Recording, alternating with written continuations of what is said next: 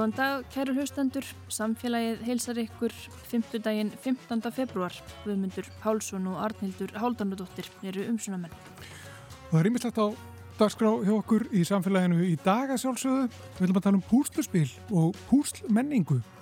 Svanhildur Eva Stefánsdóttir í spilavinum er sérfræðingur í púsli og öllu sem við kemur þeirri á getu dagra dvöl. Og það má segja hún sé runni keppnismanneska þegar kemur að púsli. Í spilavinir ætla á sunnudagina efna til púsluspila keppni í fyrsta sinn.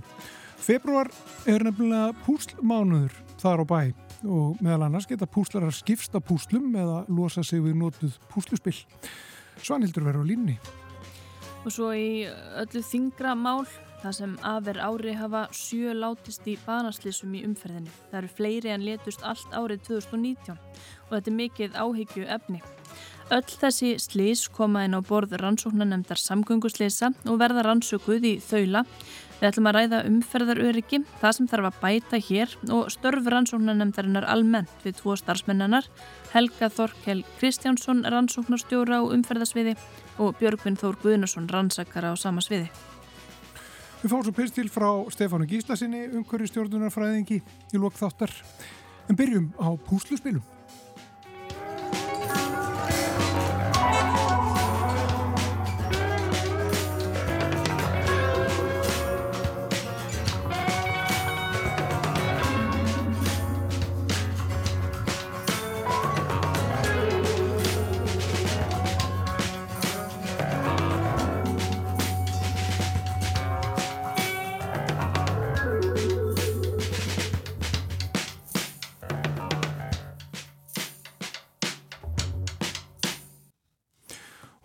Í sambandu hennar Svanhildi Efu Stefánsdóttur í spilavinum. Kontur sæl, Svanhildur? Já, sæl og flesaður. Það er púslmánuður eh, hjá ykkur eh, í spilavinum og, og, og margt sem stendur til. Jú, jú, mikið rétt. Það er bara, við höfum átt að árlega í februar, það er svona einstaklega góðu mánuður til þess að sitja inni og hafa bara svolítið notalegt og púsla. Þannig að alltaf svolítið veðir eins og það er í gangi og annað að þá hérna er nú bara upplagt í myrkrunu úti að vera inn í hlíjunni og það var notalegt að púsla. Já. Uh, hversu svona útbreytt er þetta, þetta sport, ef við getum kallað þessi svo, að sitja, sitja, sitja við borð með, með púsl? Það er margir sem púsla? Það er það. Það er nefnilega sko, við tekjum mörg okkar að hafa púsla sem sem börn og, og þannig og síðan er eins og þetta detti út og svo dettur það stundum inn og sumir halda alltaf áfram alveg frá þegar börn og eftir öllum aldrei við að púsla. En svo koma þetta aðrir inn og út svona í en í þetta áhugamál bara eins og með ímyndlegt annað í áhuga, áhugamálum og, og dagra styrtingar. En þetta er hérna að púsla er svona svolítið fjölbreytt Þannig líka bara hver áhugin er á myndum og starð og fjöldabita og slikt. Þannig að það er svolítið breytt og ég hef myndið að segja að það sé vaksandi áhugum. Og líka kannski með stress í samfélagi að það er alltaf fleiri og fleiri sem áttar sig á þessari hugleðslu sem á sér staðum að sest og núvitund er náttúrulega akkur orði sem maður kannski myndi breyka að segja. Maður situr og, og rafar. Já það er bara svo, það er svo afslappandi. Hlustar á útvarpið, bara á er, maður svona, já, einbiti sér að finna búslið og myndirnar geta verið, sko, sumur eru í landslægi og svo er eitthvað æfintýri eða húmor, mikið á húmorbúslum, mm. mjög vinsalega þessi vaskibúsl sem eru öfug, sko, og hérna, og svo eru, svo eru listaverkabúslinn og Disney púsl þetta er allt sem hann er gangi. Þessi vaski púsl þegar þú nefndir, þau eru til til að nýjar það ekki. Þá er maður ekki með myndin af því sem maður er að fara að púsla. Heldur þarf við rauninni bara að finna út úr því af hverju hún er. Já, um, tilturlega ný. Hvað finnst þið vera nýtt? Hvað heldur þessi búið að vera lengi? ég veit ekki, ég sá þetta bara nýlega en kannski er þetta 50 ára gamalt. það verður ekki orðið 50 en... en En það er alveg, sko, það er komin um 20 ár, sko. Já, það er nú alveg, já. Þau sem sagt, eh, þau komu fyrir nokkrum árum síðan og bara hérna áttu ykkur, ég hef búin að vera í 17 ár og þau eru búin að vera allan tíman og ég veit að Magni á lögaveginum, hann seldi þau líka. Og það var alveg, og þeim fylgir alveg svona nýtt æði, það er vegna þess að þú veist ekki hvaða mynd þú ert að púsla. Og sömu púslarar, þeir bara púsla vaski og líta ekki við neina öðru. Og þá bara býða þeir spettir eftir alltaf nýðri mynd, það er koma nokkrar ári. Og hérna, þá veit svo til að við fengum nýja mynd í gær. Og hún er þá viðegandi í gær, nýja myndin heitir Date Night. Að það er alveg allt í réttum tímapunktum í þessu. Já, kom út á valentíns og degi. Já, já. Stefnumóta búslið hm. Já, en þið ætlið að keppa í púslið eða halda keppni? Það er alltaf ekki hugleðisla þá þetta hefur tvær ólíka hliðir þessi púslispill Já Sko, það er náttúrulega, við veist því að með allt að það má gera þetta í ymsi formu og það er ekkert eitthvað fast að þú þurfur að vera í núvitundi þegar þú búslar, margir náttúrulega búst þess að vera í samveru með börnunum og fóldrum og margir þekkja á jólin að allir sýti saman og gera eitt búst saman. Ég menn þetta líka notað, veist, með eldri borgurum og þannig og með Alzheimer og rýmislegt, þannig að það er, það er allt leiflegt í þessu og meðal annars þá er þetta spennan að hverstu fljóta búsla hversu hrattna er það að gera þetta, hversu gott snöggur eftir að sjá hver, hver, hver biti passar og inn í þessu þá hérna í, í púslmánuðinum og þá ætlum við núna í fyrstskipti ára að vera með púslkeppni og það verður sér sagt eh, geta 1-2 verið saman í liði og allir púslis sömu myndina þannig að bara hverju fyrstur Já einstaklega einfalt. einstaklega, er þetta einstaklingskeppni eða er þetta liðakeppni? Þú getur verið, getur verið 1-2 saman í liði. Og hvað er þetta margur bita púsl? 500 bita. Þú segja að vera svona ásættanlegur tími að hver eftir fólk að stefna? Hálf tími? Nei, það er alltaf, alltaf lítið. Já, nei, ég veist, ég geti alveg trúið að það væri alveg, skiluru, hægt að rúla því. Þeir með, með strategi og að raða og munsturs. Þetta er ekkit óeyfistíðanlegt. Nei, ég snýst þetta mikið um strategíu. Þarf maður að vera með einhverju svona, þetta flokka bitana og eitthvað svona? Já, er ekki allt eitthvað strategíu? Hvað þú byrjar og annað, já, en það er, jújú, jú, og sömpúsl sko hérna raðar eftir litum eða munstri og ég veit að sömur raða eftir hvernig bitin er í forminu. Þannig að veist hvort að hann sé svona klassísku með tveimur göttum og tveimur uh, ná, út á ég sé hvort endan eða er öðruvísi í, í forminu og þá setja það alla sem er aðeins öðruvísi í forminu. Það er svona strategían er að byrja á kantinum bara að gera hann og svo rafa sig út frá honum. En svo gerir, svo sér það eitthvað svona fullt af appisingulu og, og byrjar og púslar allt appisingulu og þá sér það já, þetta er þessi hluti Það. Svo veit ég um aðra að þegar þú púslar eftir fyrirmynd að þá tekur það eitt púsl í einu og finnur það og staðsýtur það og bara það til að myndi púsla saman. Já. Alls konar aðferðafræði og ventalega reynir á, já, ímislegt. Svona fólk hefur svona greiningar hefni, maður ertu kannski geta þess að maður er að segja um starf. Mjög góðið púsla.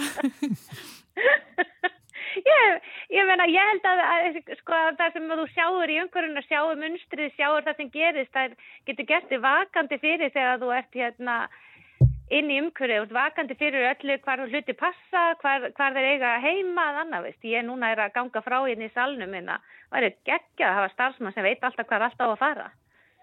Sér bara, dung, þetta passa hana, dung, alltaf, já. Nákvæmlega. Púsleili, já. En fólk sem á púsl, gömul púsl sem er orðið aldrei þreytt á kannski, búið púsla nokkur sinnum, vil fá eitthvað nýtt, þá er hægt að skipta hjá ykkur. Já, já þetta er eitt af því sem, hérna, sem, sem er margar sem við byrjuðum á bara í framhaldað óskum hjá viðskiptavinum og þá er það þannig að, að viðskiptavinum er búin að kaupa púsl og uppsapnaðast út í púslinjáðum og hvað er að gera við þau.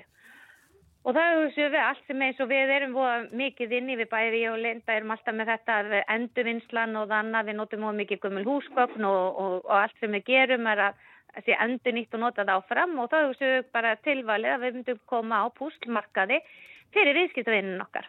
Við erum bara svona milligöngu liður með það að við röðum upp borðum og, og skemmtilega heit með og hver og einn fyrir sig er á borðinu með hérna með sín búslu og verðleikur eftir því hvað er og, og hérna og svo bara selur. Já. Eða sem eiginlega gerist tölver er þau býtta sín og milli. Það er alltaf svolítið skemmtilegt. Á, hvernig var þessi mynd? Og svo mynda skemmtilegt stemning og fólk og þau fá sér kaffibotla og sitja hérna og, og tala um einhver púsl og, og, og hvernig þetta hefði verið og bara kanturinn og þessu, þetta var ég bara slegt að gera, það var svo erfiður blái heiminin, ég bara, þetta var ekki að gera sig. Já, maður kynnist þessum púslum bísna vel, sérstaklega þessum sem eru með mörgum bitum og Já, þarf að liggja lengi. já, já, og það er náttúrulega sko, f- sko, flestir púslarar eru svona í þúsundbitunum, en svo kemur fyrir þetta alveg upp í skadræði. Það er að það fara upp í 40.000 bita. Já, Já. Það, þá þarfstu nú bara marga fermetra undir. væntanlega. Já, ég, það getur verið 9 fermetra púsl eða 12 fermetra púsl og allt. Það er bara öll stofan. Já, já, og þessi púsla er alveg nokkri sem eru í þessu. Ég ætti nú að heiða hvernig gengum með þetta stæðsta, sko, en hann, ég veit að það er ekki búið ennþá. Já, En við vorum með svolítið 12.000 bita púslinn, þau kláruðust og eru búin að veit ég um nokkra sem hafa klárað nokkur þannig, þú veist, þetta er allt ekki bara hægt að nota En- þetta sem gólvefni. alveg bara heiklust, púslar það og setur það og svo bara gott hérna lakk yfir, ha, maður þarf bara að heyra í einhverjum dúkar hvaða lakk á ég setja yfir. En, en þetta fer sem sagt fram allt saman á sunnudaginn? Já, þetta er svona, sko, púslmarkaðurinn fyrir á milli e- er bara 1 og 3. Þetta er bara stuttu tími. Mm Þannig að sko, þú ætlar að koma og grípa þér eða selja þann, þá, þá þarf þetta að bóka borði hjá okkur og láta okkur vita að þú ætlar að vera með borð, þannig ég sé undirbúin fyrir það. En að öðru litil þá er bara stutt, bara bústmarkaður á milli 1 og 3 og svo byrja keppnin með sínu fjöru klukkan fjögur. Já, með sínu fjöri. Já. Eru áhörður ég að að- hvetja og, og þess að þar? Getur ímdur og standur á borðinu og sjáur hvert bitin á að fara og þarf að segja. Já, já, einmitt. Ég held að sé alveg, ég ætti allavega erfitt með það, ég er svo stjórn sem ég geti bara að setja á púslið á fyrir alltaf að hjálpa. Við sko ljúka þessu svona, svo hann heldur Eva Stefansdóttir í spilavinum. Takk fyrir þetta Já, og, takk. og góða skemmtun á sunnudaginn. Já, góða skemmt. Já, það verður pottitt. Flottir, takk fyrir.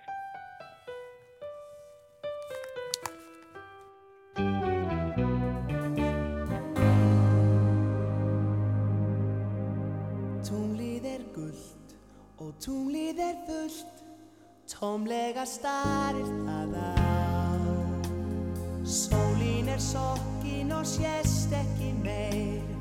Dagurinn, dagurinn deyr. Fólkið er líkt og fjallæði nýtt. Forviti starir það á. Einmana andlit sem allt vilja sjá. Mennirnir, mennirnir, þeir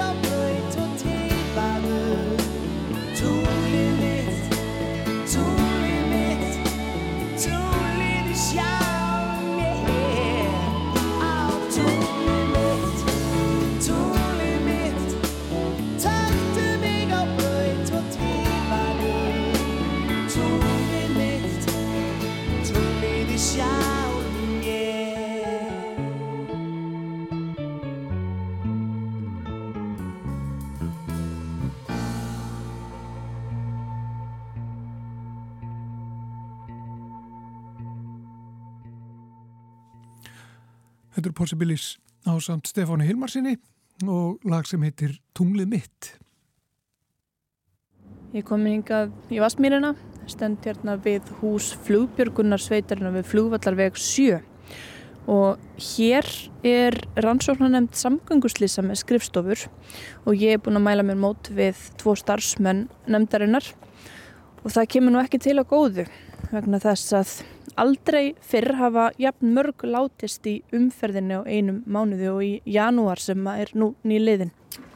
Góðan daginn. Góðan daginn. Erst þú Helgi? Ég er Helgi. Við sittum hérna við langborð og með myndvarpa fyrir framann okkur og erum að skoða, búin að vera að skoða skýslur og svona tillögur rannsóknar nefndarinnar í öryggisátt sem eru reglulega gefnar út. En ég ætla að fá nöfnin hjá ykkur og, og titil. Ég heiti Helgi Þorkill Kristjánsson og er rannsóknstjóri á umferðarsviði á rannsóknarnefn Sangöfslýsa.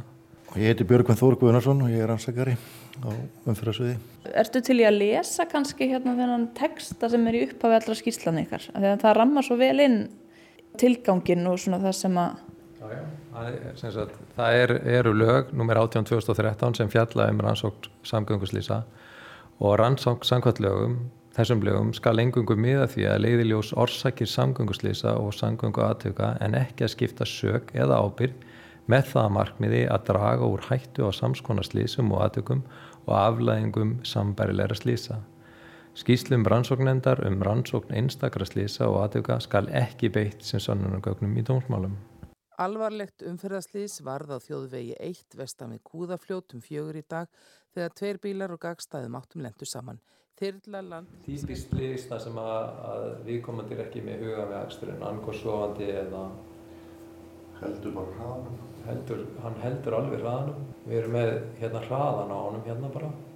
Og þið meti það bara út frá þá einhverjum... Nei, þetta er bara tæki í bílnum. Já, þetta er bara tæki, já, þetta er bara mælir í bílnum. Já, já. Þetta var sem sagt bílalögubíl og þeir eru með eitthvað sem heitir Rental Matix og hann mælir kraftana og það sem gerist, þetta er hraðin hérna og sér hann breytist ekkert fyrir, eða hann breytist hérna í einhverjum, einhverjar nokkra sekundur, hann hægir hann eitthvað úr 90 nýri 88, 2 mm. km sem að þú finnur ekki fyrir og svo smellur hann fram hann. Hann reynir ekki að hemla, það er engin, það er engin lækkun að hraða áður en þeir smella saman sko. Nei, hann er bara svoandi. Hann er bara svoandi. Og síðan erum við svolítið að gaggrina líka í þessari skýslu, við gaggrinum meira, það er semst yfirbor vegana, veginni sem slíkir, þólmerk vegbreyta á Íslandi gagvart ádjöf eða árdagsumferð og við erum líka semst bara gagvart tímasetningu endunni í slítlaga, þetta var allt saman á rauðu á þessum stað sko og þetta er eitthvað sem að Ebla hefur gefið út sko. Við notum í rauninni svona bara mikið svona það sem að faga aðilar gefa út. Við skoðum ellendar rannsóknir og, og við skoðum skýsli sem eru gefnar út á Íslandi. Síðan er til dæmis eins og það sem er kannski, veist, við erum að skoða aukotækin, það er mikið þingdamunur á bílónu til dæmis mm. og þú veist þetta er Benz hérna, sendibifrið sem var full. Já, 902 kíló motið 3500. Já, þú veist, full lestaður vegur og umhverfi og þá erum við náttúrulega svolítið að gaggrína það að, að veist, þetta stendst ekki hérna núverandi hönnunukröfur við að gera hana breytin á veginum og það er ekkert að setja riflur að því að, að þetta er oljumöll. Hvað, hvað er það sem að þið eigið að fást við sangant lögum? Rannsakiði til dæmis öll banaslis sem verða í umferðinni? Já, sko, það er náttúrulega kannski aðeins mismunandi að milli sviða hvernig við hérna, sem þetta rannsöku sliðisinn en, en umferðarsviði sem við tilurum, við rannsökum öll banaslis í umferðinni sem að verða og síðan rannsökum við líka svona alvarleg, alvarlegri umferðaratvik og hérna tökustundu fyrir þemaskíslur. Hvað eru þið mörg sem eru þið í þessari nefnd? Þetta rannsóknið samgönguslýsa var uh, stopnuð uh, 2013 upp úr þremur rannsóknendum, sjóslýsa, flugslýsa og umferðarslýsa. Nefndin uh, er með sjö fasta stafsmenn, við erum tveir fasti stafsmenn á hverju sviði og svo eitt rittari og síðan erum við með 13 nefndamenn sem eru svona seffræðingar á, á sínu sviðum og, og, og þetta er hérna, frábært fólk sem kemur úr atvinnulífinu og við fundum sem sagt með þeim, þau farið við skýslunar og, og þegar allir er orðin sáttir við skýslunar þá er það gefnar út. Það er svona aðeins meiri prósess í kringum þetta, er, við, við sendum út skýslunar í umsagnir og til hafa líka ef svo ber undir, en við erum að vanda þetta mjög mikið.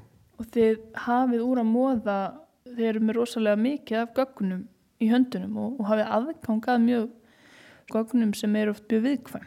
Já, við sem sagt uh, samkvæmt þessum lögum að þá hefur við hérna, mjög ríkar heimildir til að sækja okkur upplýsingar og gögn um sliðsinn en á móti líka að þá ríkir mikill trúnaður um þessi gögn sem, sem koma til okkar og, og eins og hérna viðtöl við, við vittni og, og þá sem eru eiga hluta þessum slísum eru, eru þannig trúnagögnu það er ekki eins og þetta sækjaði fyrir dómi.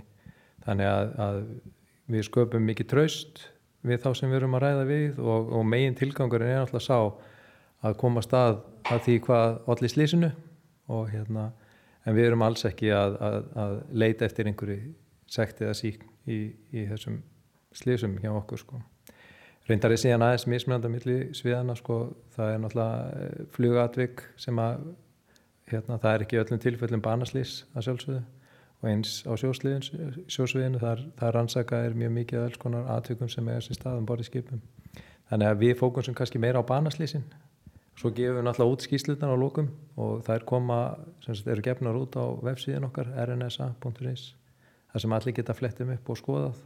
Og það sem við gerum við, við sem sagt uh, komum með mikilvægar ábendingar sem er svona til almennings og síðan erum við með svo kallað tilugur í öryggisátt og, og þeim, þeim beinu við sem sagt að sem sagt, sérstaklega umferðarsefinn þá beinu við þeim að stopnunum að fyrirtækjum eða, eða jafnvel ránutum um úrbætur sem við sjáum það er eitthvað sem við, hérna, eitthvað sem kemur fram í skýslunni í okkar rótagreiningum sem kemur sem eitthvað sem á bæta eða þarf ég að laga strax og þá komum við með til og í öryggisátt þess efnis.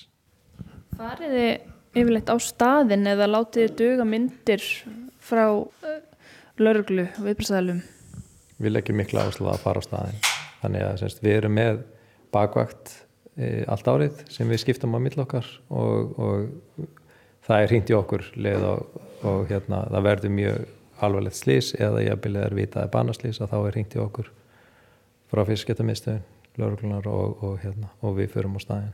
Er þið þá bara með, sko, er þið að mæla fjarlæðir og, og þú veist, þetta er vantilega svolítið svona tæknilegs eðlis þessi, þessi rannsókn? Já, já, við erum hérna vel, vel búnir, við til dæmis eh, erum með dróna, við sendum með dróna, við gerum okkar alveg okkar sjálfstæður rannsókn á staðnum. Jafnvel þó við fáum síðan hérna, upplýsingar frá lauruglu og það er svona til uppfyllingar á okkar eigin rannsókn. En við, við hérna, rannsökum vettvangin ítalega, við förum alveg í gegnum umhverfið, við sendum upp dróna við, sem, að, sem að teku myndir og mappar upp allt svæði þannig að við getum sett það inn í hugbúna og fengið svona þrývita mynd af slistanum og þar getum við farið veist, inn í allar mælingar og skoðað hérna, allt umhverfið, hvernig það lítur út þannig að við gerum okkar eigin mælingar, við skoðum aukutækin og, og, og, hérna, og vinnum þetta allt saman eins og við getum mögulega á vettvangi. Við erum að reyna átt okkur á því bara hvernig slísi varð og hverjar mögulegar orsakir, það er kannski spurningin sem er í efst í höfuða okkar þegar við komum á staðin, hvað mögulega allir þessu slísi og það er akkurat það sem að rannsóknin kemur síðan til með að snúast um. Þeir eru að mæla og skoða með dróna og, en þeir eru líka kannski að reyna að setja ykkur í spór þess sem var að keira þetta, reynir kannski líka svolítið á mannlega þáttin, þessi rannsók Já, algjörlega og veist, við, það er okkur það sem við gerum. Við, veist, þessi vettvangar eru náttúrulega slísavettvangar eru náttúrulega ja, mísafni eins og þau eru margir. En, en við erum með svona, svona þessa aðferðafræði í huganum sko. og, og þessa rannsóknar spurningar sem við setjum svona eftir í höfuðið og, og svo skoðum við vettvangin í ljósi þess. Þegar eru það að skoða hérna, þrývita líkuna á slísi og kannski eru bara heil lengi að skoða sama slísin og banaslís eftir banaslís þetta vantanlega getur verið svolítið íþingjandi og þungt fyrir mann eða ekki? Ég held að þetta sé bara svona fyrir alla viðbrasaðila sem að koma svona slísum þá er þetta bara mjög þungt sko og, og hérna en, en ég held að, að það séu svona flestir viðbrasaðila sem koma að svona slísum farnir að að vinna úr þessu á faglegan hátt og, og það er það sem við reynum líka að gera. Já, með svona viðrunafundum og öllum, öllum þessum pakka áfalla hjálp. Og... Nákvæmlega. Ef við vindum okkur að, að þér Björgvin, uh, ef við hugsum um það sem að orsakar slis oftast, af því þeir eru búin að liggja yfir þessu og greina þetta, hvað er það oftast sem að veldur slisunum? Það er náttúrulega fjölda margir þætti sem valda slísunum og, og, og sjaldan er það einhver eitt þáttur. Þetta er yfirleitt samspil margra þáttar. Uh, tímaþáttur og, og þú veist, við erum að tala um tímarraða, þú veist, allt mögulegt sem að, sem að allt, allt gengur upp, þannig að slísi verði. Þannig að það er sjálfnast eitthvað eitt og bara aldrei held ég eitthvað eitt sem að veldu slísi. Og ef það er einhver augljós ástæða fyrir slísi eins og til dæmis einhver ofsarraði eða ölfun eitthvað slíkt þá er það líka það náttúrulega ljóst fyrir og þá erum við kannski það að róta greina það voða mikið og, og sjálfnast kannski hægt að koma einhverja tilur auðvikiðsátt þar sem það líkur fyrir. En svo á öðrum, öðrum slísum þá eru fjöldamark uh, atrið sem að ganga saman. Hann er að, hérna, að það verður óöpp Banaslis varði í nótt þegar fluttningabíl vald út af Suðurlandsvegi austan við kirkjubæjarklaustur í ofsaveðri. Lauruglan á Suðurlandi greindi frá þessu í morgun. Slísi varði um klukkan eitt í nótt. Ökumadur er óslasaður en farþegi bílsins lést. Ofsaveður var á slistað og sprungu rúður í björgunartækjum í íllviðrinu. Við hérna, vöktum aðtikli á, á þessu sem er útgefið af, af umferðarstofu vísi og á vegagerðinni sem varum við með fyrir stóru aukotækjavögnum eins. Þau eru bara til. Já, og við erum svolítið sér á báti hérna á Íslandi af því að vindurinn er, hann er ekki alltaf vinnur okkar í, í umfyrðinni Nei, og hann er sterkur. Hann er, hann, hérna, er að valda, hann er eina af þessum orsökum sem við erum að greina til dæmis í þessum slísum hjá okkur og, og stundum er þetta megin orsökin semst í þessu tilfelli þar sem að, að, að vörubifrið fökar hliðina, hann að fyrir austan við brunna á að þar var það mikil vindkveða vinstrengur sem feikti festivagninum og velti vaglestinni. Þetta er megin ásökin og, og síðan komum við með tillugu í öryggisáttar að já, maður sjá, það var þessi við, við fólk sem að þekktu til. Beinir til, já, beinir þeir tillugu til við aldrei að taka til skoðan og hvort tilefni sér til að setja viðstöðu grenduslýstað og, og síðan sérst er það raukstuð hérna að sennlegt að viðhæð og slista hafi verið meira en mælikögn og næstu viðstöðum síndu og meiri spár gerir á fyrir. Og við rannsók málsins hjá aðilum sem þekkja til aðstana veginum millir kirkibæklaustus og lómagnums kom fram að veður ástæði þar geta verið aðrar og mögulega verri en að nærleikjandi viðstöðum og til nefndin að skoða þurru hvort hægt sé að bæta vegur ekki með því að þéttin eitt viðstöð þessu sæði og það var mjög vel tekið í þetta. Og okkar bestu upplýsingar eru um að það sé þegar komin upp viðstuð þarna á þessum stað. Mikilvægt þegar það eru kannski einhverju svona vindstrengir og mjög staðbundið og eitthvað sem er ekki þetta aft að segja út frá almennum spá. Nákvæmlega. Og, og þetta tekur kannski tíma að fá fram þessa breytingar, við erum að tala oft um stóra breytingar, gáum út skýslum daginn og, og beindum henni til vegagerðanar varðandi ymitt breytt vega og yfirborvega og svo aukur hraða líka erum við að benda á Við vinnum mjög vel saman með vegagerðinni, með samgöngustofu og með veghaldurum sem eru þá sko ekki bara vegagerðin heldur sveitafjölaugin líka og það er mjög vel tekið í þessa tilugur okkar og, og við sjáum alveg, við viljum meina það að það sé góður árangur að þessu hjá okkur, við komum með tilugur í öryggisáttvarandi einbreiða brýr og umferðaröryggis áallanir og svo framvegis og, og það er mjög jákvætt í þetta tekið að öllu leiti. Við erum mjög þakkláti fyrir það. En svo kannski allir gangur á því að mitt hvort að það er til fjármagn og bara geta til þess að breyðast skjótt við. Já, ná, nákvæmlega. Það er náttúrulega, þetta byggir alltaf fjármagninu. Stundum eru tilöfunar okkar kannski ekki þess aðeins að það þurfu mikið fjármagn til, heldur kannski einhverjir hlutir sem við rekumst á og eru auðvitað að laga.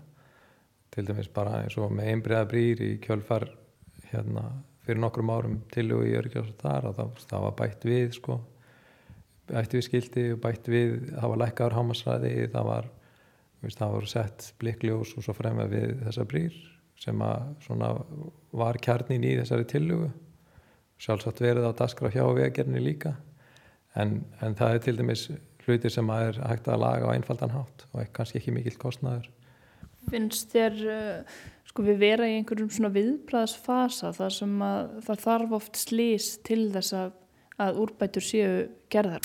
Ég segi, veist, þessi, þessar rannsóknir okkar að það sem við skoðum, við förum í oft ítalega greiningar á slísunum og þá kemur kannski upp eitthvað sem maður lág ekki endilega vel fyrir. vissulega kannski einhverju hluti sem að, sem að kannski eru augljósir þegar þeir koma fram í skýslunni hjá okkur en kannski menn eru ekkit endilega að leggja á að slá og eru kannski ekkit að, að, að huga þeim hlutum að þeir séu einhverju sérstakki slísa valdar í umferðinni, ekki fyrir slísi verður. Þið rannsakið þetta og hafið öll þessi gögn en er einhver tíman í rauninni bara ómögulegt að skera úr um hvað, hvað allir slísi eða komist yfirleitt að einhverju niðurstöðu? Við komist nú yfirleitt alltaf að einhverju niðurstöðu. Það er nú, það er nú yfirlega þannig og, og kannski eins og Björgum bent á það er yfirleitt aldrei einhver einn ástæða getur verið blanda umhverfinu, það getur verið blanda ástandi aukumanns, það getur verið blanda líka að aukutæki komið þar inn í sem slíkt sko. Og ef, ef þið skoðu skýslan okkar þá erum við með svona yfirleitt með eina megin ásök fyrir slísunum og síðan eru svona meðvirkandi þættir sem eru aðra rossakir þú veist ef það verður til dæmis einhverjir í framúrækstri, vannmyndur aðstæður og, og til dæmis ef það er hálka eða eitthvað slíkt skilur þá er hann í framúrækstri, hann er, hann er að keira á hratt jafnvel og síðan er kannski eru aðstæður ekki góðar þannig eru konar nokkar ástæði fyrir því að slísi verður. Sko nú hafa orðið núna undarfærið og undarfærið mánuð mörg banarslis ef við hugsun bara um svona breyta stöðu nú erum við með alla þessa ferðamenn við erum með ferðamenn sem eru að koma hérna á veturna. Það hefur gaggrínt svona hversu vegagerðin sinnir uh, vetrarþjónustu á vegum. Er, er, er þessi breyti veruleiki eitthvað sem að þið hafið áhyggjur af? Já, þetta hefur við kannski einhverja ráðgjur af því að, að það er með, við erum með hérna einhverja miljónir, einhverja 2-3 miljónir ferðamann ári og fólk sem er kannski ekkit endilega vant að akka við aðstæðar eins og eru hér. En hvað var það þess að þessi slið sem hafa vorðið þessu ári þá koma ekki mikið að ferðamenn þar við, það við svo var í einu, einu af sliðsónum en það er svona ég veit ekki með þess að eins og með svona þessar bílar sem fólk er að taka, það er að fá taka litlu ódýra bíla sem er ekki kannski eh, sem fyrirgef ekki mikið eða eitthvað gerist varandi óferð, varandi, varandi óhöpp. En er eitthvað sko þegar þið hugsið um, ég veit ekki ekki talað um, um einstakar slis en, en það að það skuli koma þessi, þessi miklu fjöldi slisa núna á stuttu tímabili er eitthvað sem að er hægt að segja að íti undir það, einhverjar aðstæður eða ástand uh, vegakerfisins? Já, ég held að það hef bara komið okkur jafn mikið óvart og öllum öðrum sko.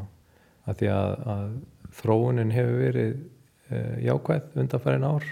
Við hefur svona verið á svipum staði eða fækkaslýsum og skindilega erum við komin í mikið fjölda í janúar. Einhver e, vesti janúar bara held ég frá upphæfi bílaaldar á Íslandi og hérna þannig að veist, þetta er svo sem alveg að koma okkur óvart líka. Við erum náttúrulega í í vetrafærð en ég, það er í sjálf og sér ekkert sem, að, sem við getum í sjálf og sér tjáð okkur um núna varandi slísin, slísin eru náttúrulega þessir í rannsókn sko en þau eru svo sem öll að gerast á svipum tíma í, í, í vestu vetrafærðinni og það, eru, það er ekki bara við sem hefum ágjörað þessu. Spurning þú þið vantala veltið fyrir ykkur, er þetta einstæmi, er þetta tilviljun eða, eða er þetta það sem koma skal? Við ætlum að vera rétt að bóna að þetta sé ekki það sem koma skal sko. En það er bara eins og ég segi vant fyrir okkur að, að, að svona kannski að, að vera eitthvað að velta á þess að vera búin að skoða þetta. Við erum bara að sapna gögnum, við erum með að draga okkur frum gögn. Við í sjálfu sér getum ekkert sagt um það eins og er sko. Vantanlega einhverjum mánuðir ef ekki ár þar til að nýðustöðu er að vænta? Já, já, það er óvægt að segja það að þetta verður allavega ár í það að þessa skýslu fara að líta dagsins ljós Nú stundum hefur verið beðið svolítið lengi eftir skýslum frá okkur. Finnst ykkur þið hafa allar bjargir að myndið vilja vera með meiri mannskap og fljótara afgreða mál eða er það bara eðli málana vegna ekki hægt? Oft á tíðum erum við náttúrulega lengi að býða eftir gögnum frá þriði aðela og, og það kannski tegur líka stundum. Að sjálfsögðu náttúrulega myndum við gerðnan vilja vera fleiri og, og geta rannsaka hraðar. Það væri alveg óska staða og þá getum við jafnvel tekið sko fleiri slís að því að það er ekki oft, ofta, ofta tíðum hefðu við alveg vilja að fara í slís sem er ekki banaslís, eru alvarleg og eru alveg þess aðlis að það hefur verið áhugavert að rannsaka og skoða orsakir slíkra slísa sem að hefðu þá geta jafnvel orðið banaslís en eins og sé við erum náttúrulega takmarkaðið þessu mannskap sem við höfum Já, við erum hérna bara með fyrir framann okkur. Það eru forvardir um svefn og þreyti og ökumunum, heildar áallunum samræmingu veg, flokka við veg, tegundir endurskoðun umferðarlaga, þetta er lokuð loku rannsókn eða loku skýrsla, loku skýrsla.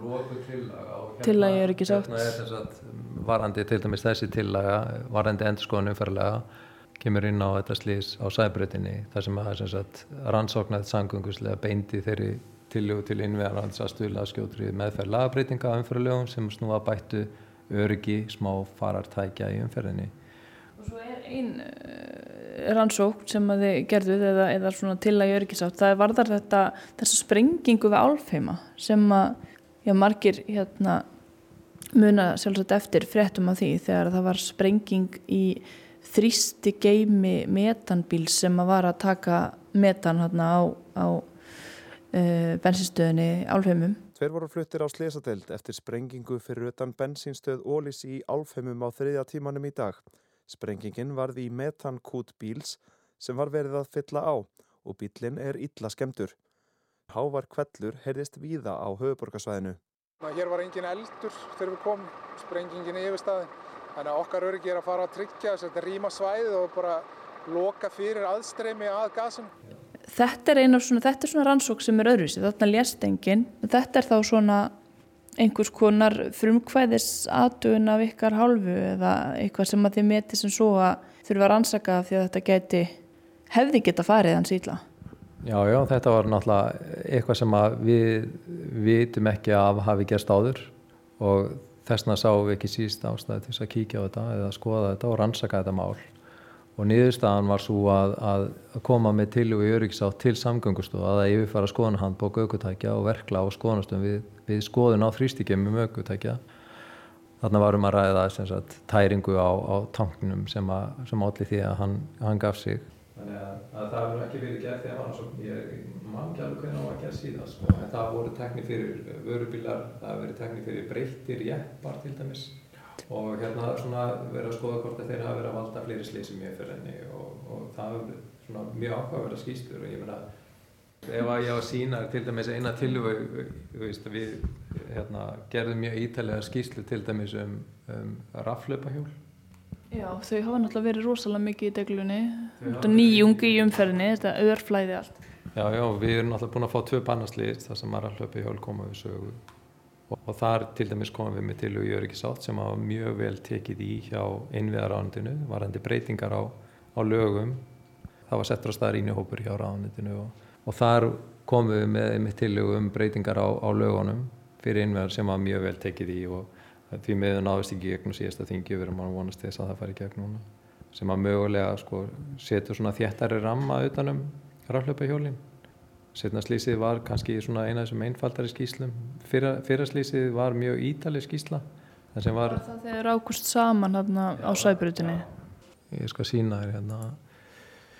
Reykjavíkuborg til dæmis varðandi raflöpa hjólaslísið við sæbrut að þar tók Reykjavíkuborg mjög vel í, í þær öryggistillugu sem við komum með og meðal annars var einn til að gera öryggisúttækt á slista og þeir, þeir fóru í það og, og 2023 var gefin út skísla öryggisrýna, tvekja öryggisrýna hjá Reykjavíkuborg varðandi slistaðin þar og niðurstaðan og þeirri öryggisínu var það að það þyrft að setja betri lýsing á staðin. Með þá staðla sem voru settir þegar hlaupastígurinn settur upp að þá hérna, uppfyldi stígurinn þau skilir því og það var lýsingin sem kemur frá sæbröðinni og hérna ef þú ferð aðeins austara þá eru kom, komnar sér lýsingar á, á sama hlaupastíg eða sama hjólastíg og þessi rínihópur konsta því að, að, að það myndi bæta mikið aðstæður hérna með því að setja upp, upp betri lýsingu og þetta, þetta voru viðbröðin við allavega okkar tillu í öryggisátt sem að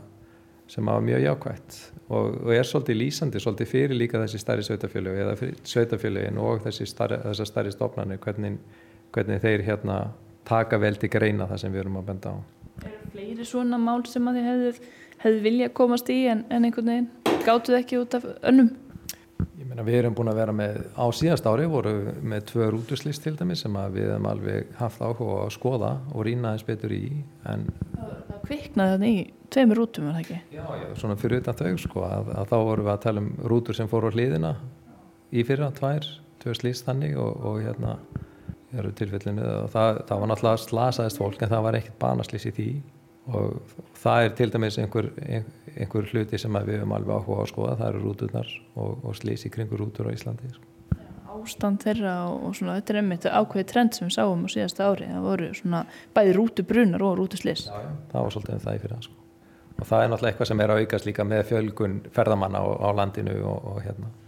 Og við höfum alveg komið líka með til það sem við hérna svona í, í ljósi þess að við erum með náttúrulega fleiri stærri bíla í umferðinni að þá hefur komið hérna tillögu til vegagerðanar að, að, að, að þetta kannski beini svolítið að því varandi vegina út á landi sérstaklega hérna ringvegin þá og við erum kannski að beina aðteklinu á honum að við erum með sko þessa stoppvegi sem er, er ringvegurinn og, og við erum svona í þessu slísi komið ljósa vegurinn sko var undir þeim stöðlum sem vegagerðin setur í dag varandi breytt stoppvega og erum kannski að vekja aðtekla á því og líka eins og með yfirborvega að, að þegar það eru klæningar þá er ekki að setja riflur í vegina og svo framvegis.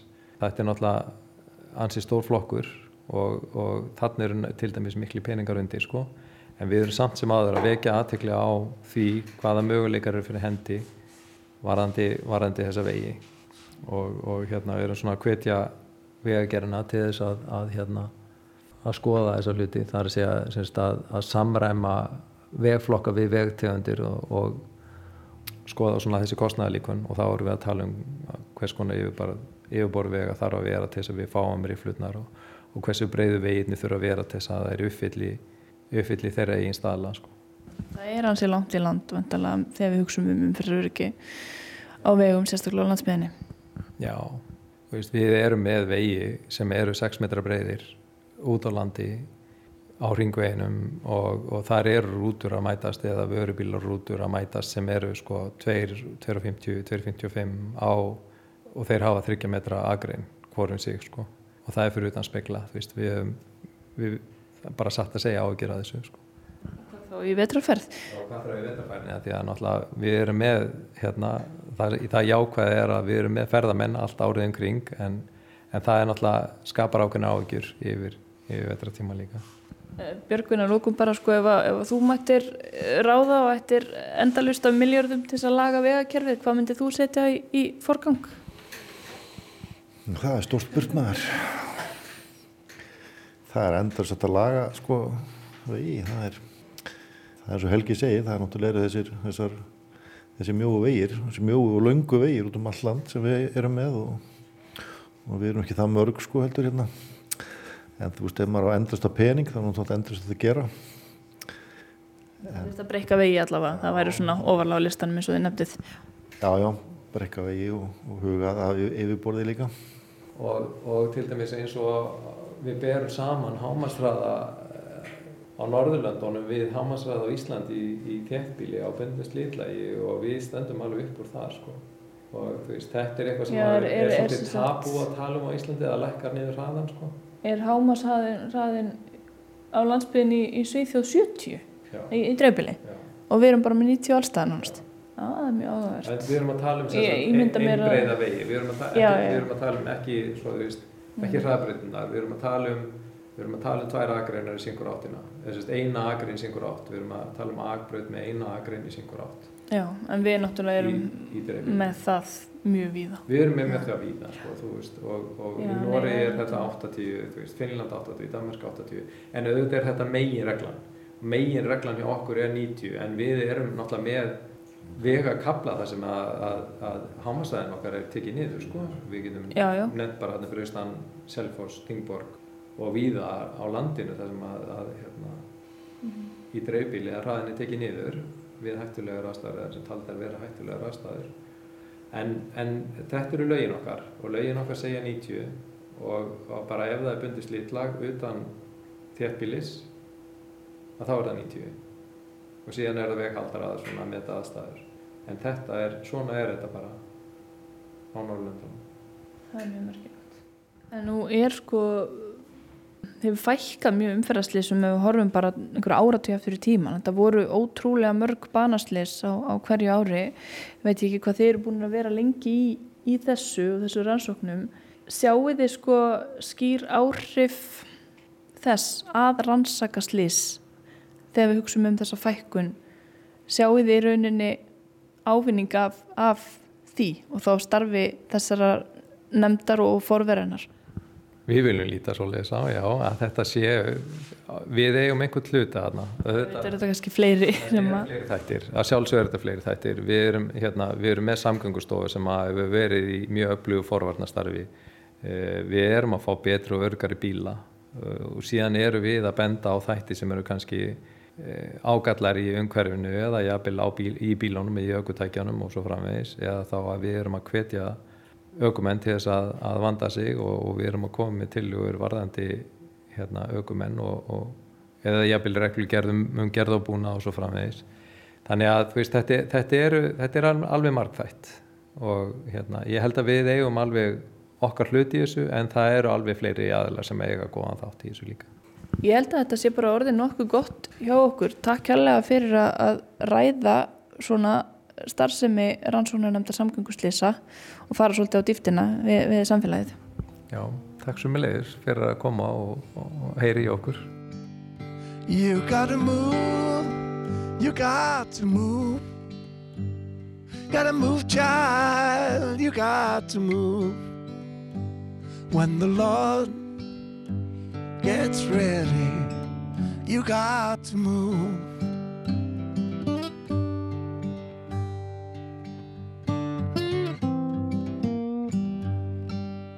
You may be high, you may be low.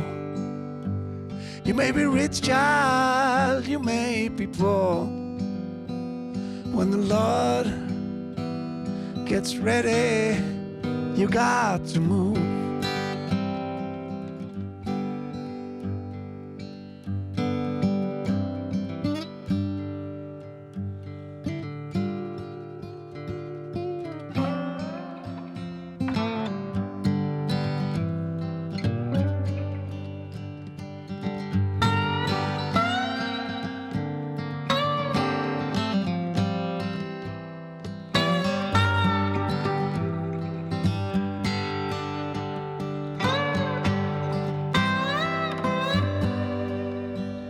Got to move, you gotta move. You gotta move, child, you got to move. When the Lord gets ready, you got to move.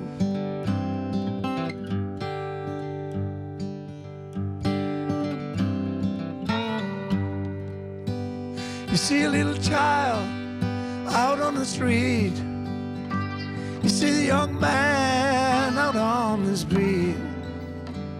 When the Lord gets ready, you got to move.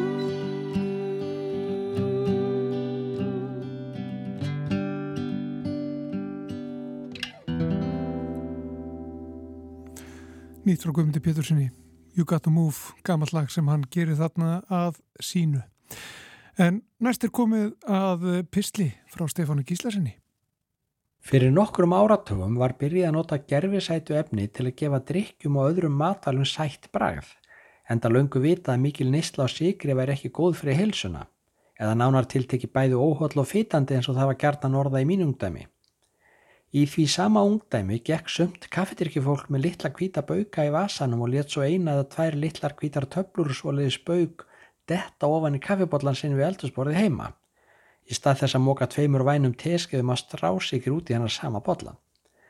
Þessar litlu kvítu töflur innihjöldu sakkarin ef með misminir ekki en sakkarin er einmitt dæmi um gerfisætu efni sem er mikið nota á sínum tíma. Setna leistu svo önnu sætu efni sakkarin af hólum eða einhverju leiti, líklega vegna þess að þau voru ódýrari og mögulega síður skadalegi fyrir hilsuna.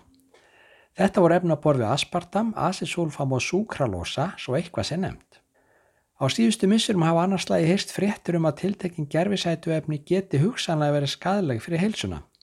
Síðasta sumar var til dæmis sagt að því að alþjóði heilbríðistofnunin hefði flokka sætuefni aspartam sem mögulega krabbamennsvald. Eftir smáður er efni talið örugt til neyslu en það þarf líklega gríðarlega mikið magn til að áhrifin komið fram. Aðra fréttir í þessa veru hafa meðal annars snúast um vísbendingar um að einhver gerfisætuefni geti aukið löngun í ekta sigur og að efni geti gert þarmaveggi gegndræpari þannig að stóra samindir sem að öllu eðlilegu ættu að skila sér út með hægðum komist þessi stað inn í blóðrásina þánga sem þeim var annars ekki ætlað að fara. En að öllu þessu sögðu rétt að minna á að þessi útvarspistill átti ekki að verða hilsupistill, er umhverjuspistill. Þess vegna verður skipt um umræðefni frá með næstu settingu og sjónum beintað mögulegum umhverjusáhrifum gerfisætuðuna. Áður en lengri haldi er ágætt að minna á að gerfisætu efni eru kölluð gerfisætu efni vegna þess að þau fyrirfinnast ekki náttúrunni. Heldur eru þau manngerð og búin til með einhverjum efnafræðilegum tilfæringum. Sigur í sinni einföldustu mynd er hins vegar afskapla náttúrulegt fyrirbæri ef svo maður orði komast, mér er það svo að einsikran glúkósi eða þrúusikur eins og við nefnum hann kemur við sögu sem grunnefni í ótal efnaskiptaferlum sem eiga sér stað öllum stundum í líkomum manna og dýra. Það að eitthvað sé náttúrulegt þýðir þó auðvitað alls ekki að það sé bráð holdt þegar því er mókað inn í hringrásinni í óhóflugum skamtum. Áður en lengri haldið líka ágætt að minna á að sigur er ekki eina náttúrulega sætuefnið. Í náttúrunni fyrirfinnast nefnilega líka ímis önnu sætuefni þar með talinn svonemt siguralkohól með nöfn sem gerðnan enda ímitt á ól og þessi efnur eru jafnvel miklu sætar en sigur. En þau eru ekki til umræðu hér heldur bara gerfisætu efni þar að segja efni á borfi aspartam, asisúlfam og súkralosa. Gerfisætu efni fyrirfinnast samsagt ekki í náttúrunni og það þýðir þá um leið að náttúran þekkir þau ekki og veit ekki hvað hann á að gera við þau þegar þau berast hanga með fráveituvatni eða með öðrum hætti. Fólk sem borða mikið af þessum efnum eða þar að segja mikið af vörum sem innihald þessi efni, hvað sem það eru góðstrykkir, skýrdrykkir eða eitthvað annað, skilar álga miklu af þeim í nálags salerni og þar með út í fráveitukerfi. Enda er það svo sem það eina sem líka minn kann að gera við þau þegar búið er að njóta sætubræksins. Þannig byrja stefnin áfram út í sjóaföld því að reynsikerfi fráveitum, séu slík kerfi og annabortið staðar, brjóta þessi efni ekki niður nema þá óverulegum hluta. Þetta allt saman þýðir augláslega að efnin hafa tilneiku til að sapnast upp í náttúrunni. Sjálfur las ég fyrsta sinnu mögulega uppsefnun gerfisætuefna í náttúrunni 29. april 2008 í frétt á heimasíðu umhverjastofna Noregs sem þá hétt SFT eða Statens fórurrensningstilsyn. Í þeirri frétt kom fram að gerfisætuefni súkralósi hefði fundist í hafinu og á hafsbotni í alltaf 2 km fjarlæð frá útrásum norskra skolprensistöða. Engar vísbendingar höfðu þó fundist um að efni hefði skadlega áhrif að menn eða aðra lífurur en það eitt að væri til staðar gefi tilni til að rannsaka máli nánar með tillit til hugsanleira skadleira áhrifa á umhverfi til lengri tíma litið. Áður en lengri haldi er rétt að taka fram að það að einhvert efni sapnust upp í náttúrunni þarf ekki að þýða það sé skadlegt lífurum. Það er samt einhvern veginn svo litið óþægilegt að vita af einhverjum efnum sem mannfólki bætir jæmt og þétt út í náttúruna án þess að vita hvaða áhrif þau getur hugsanlega haft þar og þó að við þurfum ekki nema örlíti magn af þessum efnum til að búa til nógu mikið sætubræð á síkulösi drikkjunum okkar, þá er þetta hell, hellingur þegar við leggjum allt saman. Þar við bætið svo að sum gerfisætu efni, til dæmis sakkarín, eru notuð í dýrafóður. Árlega eru framleitt nokkur hundru tonn af þessum efnum sem þýðir að árlega bætast nokkur hundru tonn við það magn sem fyrir í grunnvatni, í yfirborsvatni og í hafinu. Í grein sem byrtist í tímaritinu Environmental Science and Pollution Research á síðasta sumri var sagt á rannsók sem gerð var á vatni og setlugum úr Dóná og úr stærstu þverjum hennar í Serbíu. Þar fundust asesúlfam og súkralósi í öllum vassinu sem skoðuð voru og sakkarinn fannst í 59% sínana. Þá fannst aspartam í öllum sínum úr setlugum og neotam í 60% sína en þessi tvö efni skera sig úr vegna þess hversu vel þau loða við svivagnir.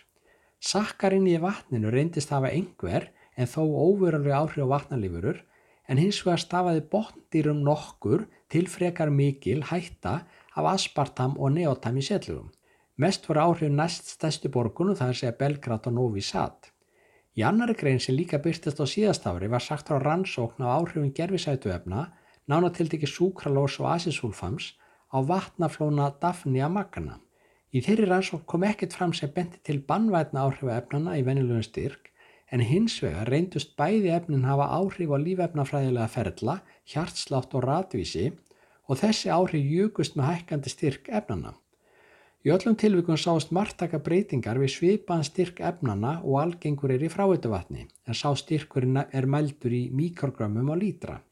Neikvæð áhrif asisúlfams komu meira að segja fram í styrk allt niður í 0,1 mikrogram í lítra en sá styrku samsara því að hver lítri af vatni innihaldi 1 10 miljónasta hluta úr grammi af asisúlfam. Höfundar rannsóknarinn að benda á að þessa niðurstöður gefi allavega tilfni til að endurskoða áhættumat fyrir gerfisætu efni í umhverfinu og mögulega setja ákvæðum hámarstyrk inn í reglugerðir. Nú er eðlilegt að spurt sé hvers sé eiginlega megin bóðskapur þessa pistils. Svarið er einfalt. Megin bóðskapurinn er að heimurinn er ekki svartkvítur, ekkert er all gott og ekkert er all slemt. En hófleg neistla er allavega betri en óhófleg hvort sem við erum að tala um manngjör sætuefni eða náttúrulega sigur. Þetta var Stefán Gíslason með ágætis hugleiðingu um Já. Uh, sætuefni. Margt merkilegt sem að kom þarna fram. Já, eins og svo oft hjá Stefánu Gíslasinni. En lengar komast við ekki með samfélagið þennan daginn. Nei, við verðum aftur á dagskrá á morgun, förstu dag. Já, Guðmundur Pálsson og Arnildur Haldanadóttir þakka fyrir sig. Við heyrumst á morgun. Neriði sæl.